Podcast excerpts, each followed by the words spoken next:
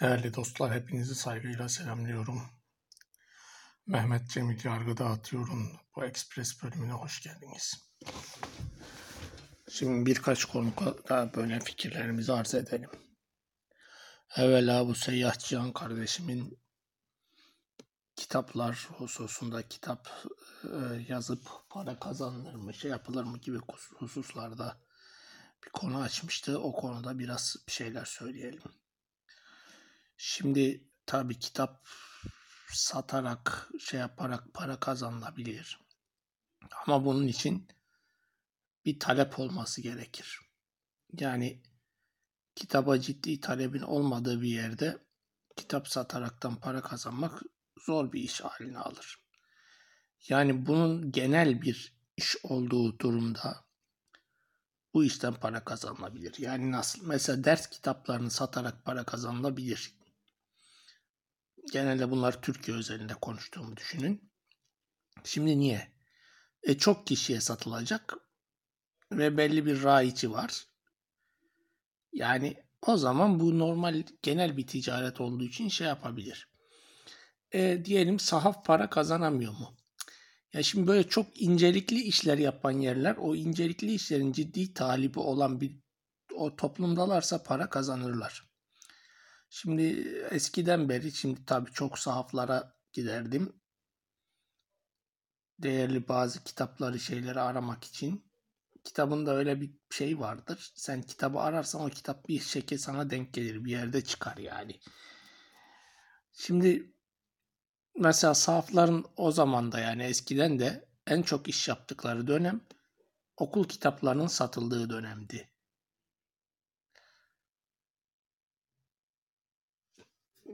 Yani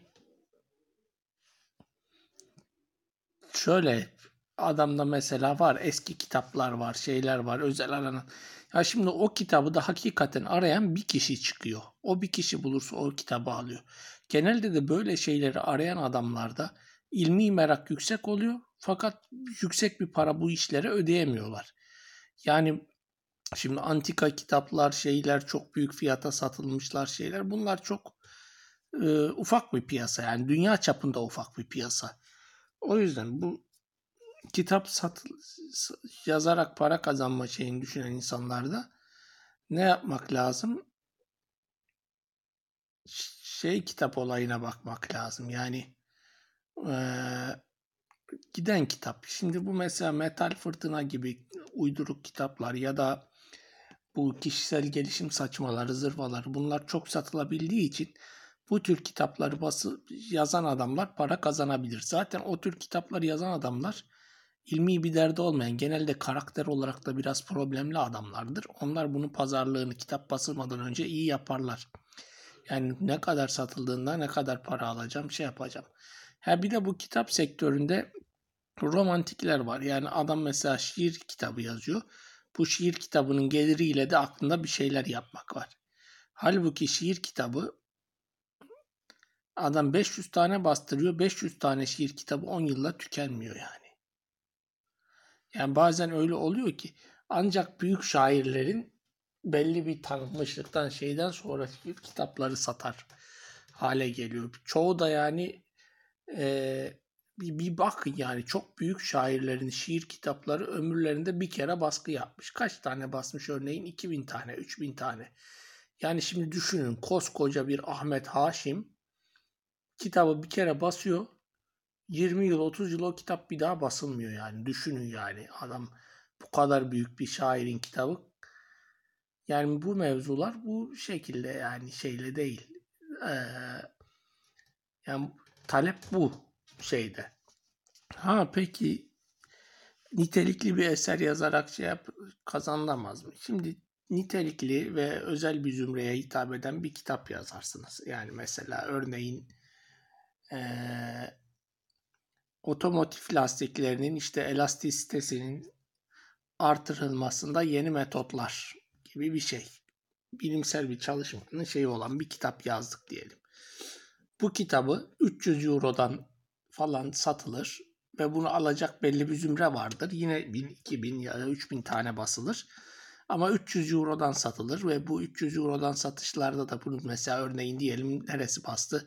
Oxford University Press bastı ya da Harvard University Press bastı ve bu şeyler normal e, ticari e, basım evleri gibi çalışmıyorlar da şeye de bir telif vermeyi yani gerekli görüyorlar. Ve bu şeyin bir örneğin %20'sini %30'unu telif olarak verdiklerini düşünelim. E işte 2000 tane basılan 300 Euro'dan satılan kitap e, işte 600 bin Euro mu yapıyor? 600 bin euroluk bir şey olacak. Bunun 4'te 5'te biri işte şeye geldiğinde bir 100 bin euro falan para şey olmuş olacak ya. Buradan böyle bir para kazanılabilir. Artı bu ilmi eserlerde çok satılan bazı şeyler var. Mesela örneğin Bernard Lewis bir kitap yazmış ya da işte Emmanuel Wallerstein bir kitap yazmış. Bu kitap e, belli bir bilimsel alanın tamamında alınıyor. Yani mesela Foucault bir şey yazmış. E, Foucault'un kitabını tüm e, politika şey sosyal sosyologlar ya da işte e, siyaset bilimciler şeyler ne yapmışlar? Almışlar. O zaman bu tür bir şeyden bir para kazanmak oluyor. Peki bu adamlar kitaplarını yazarken bunu kitap gelirlerini düşünerek mi yazıyorlar? Hayır. Şimdi bu, bu tür durumlarda eserin basılması yani yayın yapmak ve bu yayının atıflar alması e, kitabın maddi böyle bir gelir sağlamasına çok çok daha öncelikli bir şey olarak düşünülüyor. Şimdi bazı çalışmalar oluyor ki milyonlarca dolar harcanıyor. E, çalışmanın şeyi basılıyor ve bundan beklenti bu çalışmanın işte belli bir atıf sayısı alması yani bir 50 tane atıf alırsa bu çalışma demek ki bilimsel bir gelişme ortaya koymuş olacak yani. Böyle de bir husus var. Şimdi mesela hangi tür kitapları yazıp satanlar para kazanıyor? Mesela örneğin çocuk kitapları. Niye? İnsanlar çocuk kitaplarını alıyorlar. Niye? Çocuklarına hani bir şekil oyalamalar lazım, bir şey yapmalar lazım. Çocuklar hani böyle şeyler istiyorlar ya. Şimdi bu tür şeyler yazan adamlar kitap bazaraktan, basaraktan bir gelir elde etme şeyleri var. Onun dışında bu e-kitap olayı.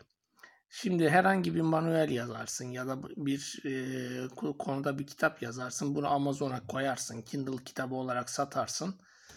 Bu da müşteri topluyorsa para kazanır. Bu durum aynen aplikasyonların olayı gibi. Yani mesela bir aplikasyon yazıyorsun. Örneğin aplikasyonda böyle basit bir ihtiyacı karşılıyor. Yani insanların merak ettiği basit bir ihtiyaç. Ne, nedir diyelim bu? Ee, otobüs saatlerinin mesela. Otobüs saatlerinin tablosu mesela. Şimdi basit bir şey bir liste yapmış koymuşsun ama adam bu lazım yani insanlar otobüs kaçta gelecek merak ediyorlar. Şimdi onun gibi insanların merak edip şey yaptığı bir kusur konuda bir tane kitap yazarsın. Basit bir şey olur bu. Ama çok sayıda insan bunu merak edip indireceği, satın alacağı için bundan da bir gelir elde edilebilir. Bu husus bu şekilde.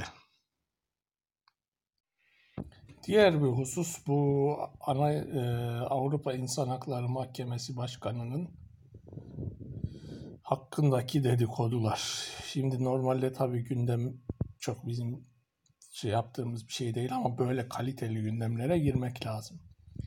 Şimdi olayı bilmiyoruz. Birisi ortaya attı. Lan bu adama büyü mü yapmışlar mal mal bakıyor dedi.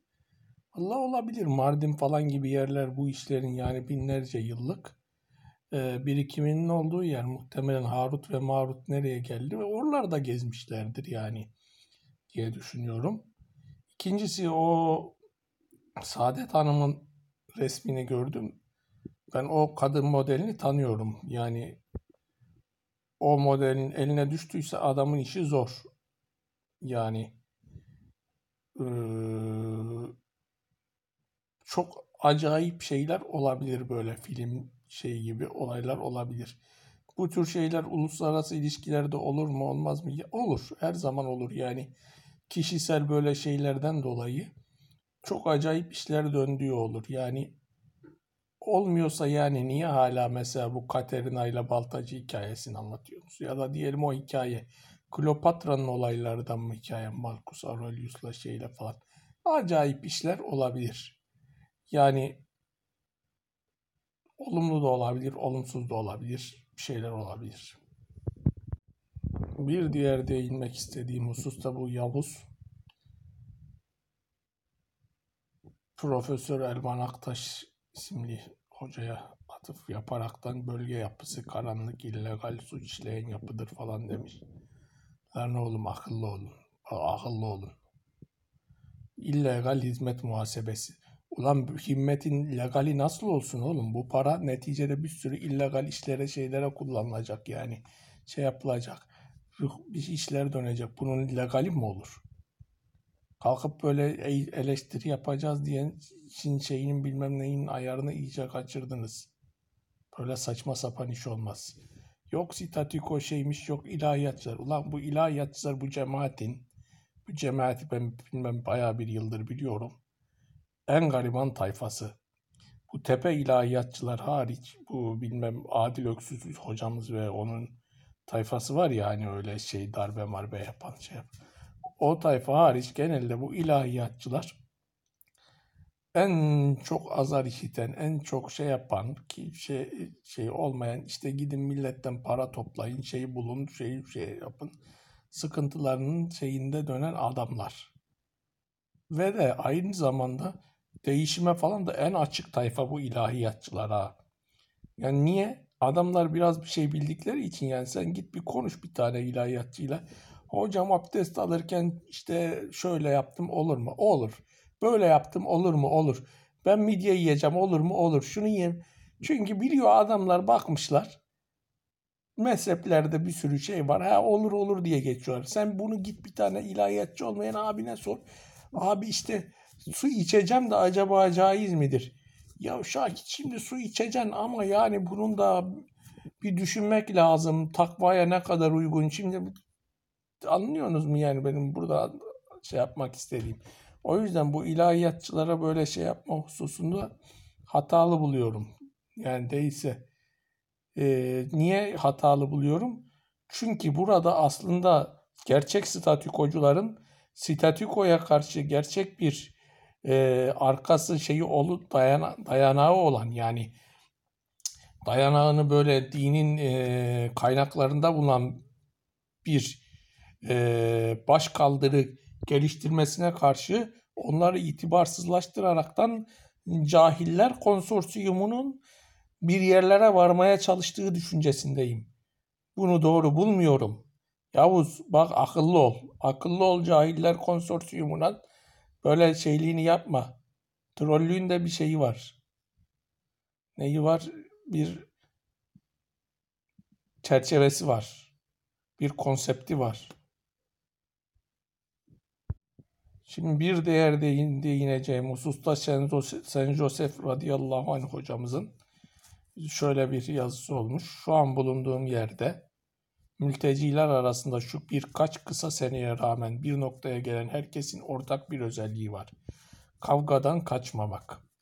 Dayak yemekten korkanlar hala dikiş tutturamadı. Konfor mültecinin en büyük düşmanıdır. Şimdi bu hususu biraz açmasını istedim kendisinden açmadı yani. Yahu dedi dünya işleri dedi. Ama şimdi şöyle yani buradan anladığım husus şimdi bu göç teorileri var ya meşhur merkez çevre İbni Haldun hocamızın teorilerinde falan hani önce ne olur? Bedeviler gelirler, şehirlere yerleşirler, şehirleri de imar ederler. Sonra bunlar şehirleşirler, hadari olurlar şey medeni olurlar, hadari olurlar. Şimdi ne olur zaman içinde artık bu kavga ederek şey yaparaktan bir şey geliştirme, bir şey elde etme şeyini o şehirleşmiş olan insanlar unuturlar. Ondan uzaklaşırlar. İncelmiş zevkleri şeyleri oluşur. Konfora düşkünlük başlar şey yapar. Bu da zaman içinde ne olur? Ellerindekinin başka bedevilerce ele geçirilmesinin netice verir. Yani nasıl olur? Bir zaman gelmiştir adam İstanbul'da meyve sebze halinde sabahın işte üçünde beşinde kalkaraktan şey yaparaktan böyle yoğun bir şey bir çalışmayla işte uğraşla e, efendime söyleyeyim gideyim de en ucuza meyveyi bulayım en iyi bir şekilde satayım işte paramı alamadım uğraşayım şu paramı alayım e, kavga etmesi gerekir kavgamı da edeyim şey de yapayım hakkımı yedirmeyeyim şey falan şeklinde uğraşıp belirli bir gelir elde eden adamların çocukları, ço- torunları zamanla e, o elde eden birikimden dolayı konforlu bir hayat şeyine sahip olur. Sonra ne yaparlar? Lan bu iş yapılır mı derler. Haldeki dükkanı işte e, doğu illerinden yeni gelmiş olan birisine satarlar örneğin. Ya da kendileri işletiyor diyelim. E halde sürekli park kavgası var mesela adam e, hemen kamyonu şey yapıyor senin dükkanın önünde kapatıyor. Çek buradan diyorsun çekmiyor laf anlamıyor. Kavga edip dövüşle şeyle falan orada hani şey yaparsan sen o, orada o işte tutunabileceksin. Tutunamayınca ne yapıyorsun? Allah belanızı lanet gele size diyorsun. İşi bırakıyorsun gidiyorsun ne oluyor o işten artık o yeni gelen bedeviler kar etmeye başlıyorlar. Şimdi mültecilerin de durumu çok noktada böyle. Yani yeni bir ülkeye gittikleri zaman mülteciler o ülkenin yerleşiklerini yapmak istemedikleri, kendilerinin konfor alanına uymayan, şey yapmayan işleri yapmaya başlıyorlar. Ve bundan dolayı bir e, o, o sahada da neticede bir para dönüyor. E, bir gelir elde ediyorlar. Ve bu gelir birikerek de şey yaparak da ne oluyor? Bir servete dönüşebiliyor. Yani zannedersem kastettiği şey bunu ifade ediyor yani.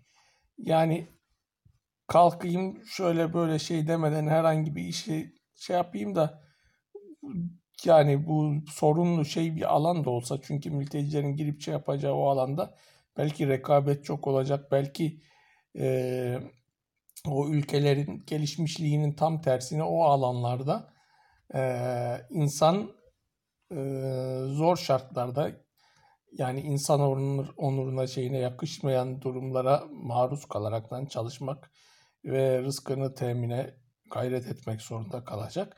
İşte bundan çekinenler diyor, dikiş tutturamazlar diyor. Bu işte dediğim gibi genel bu konudaki teorilerle çok uyumlu bir tespit. Böyle olabilir diye düşünüyorum. Saygılar sunuyorum.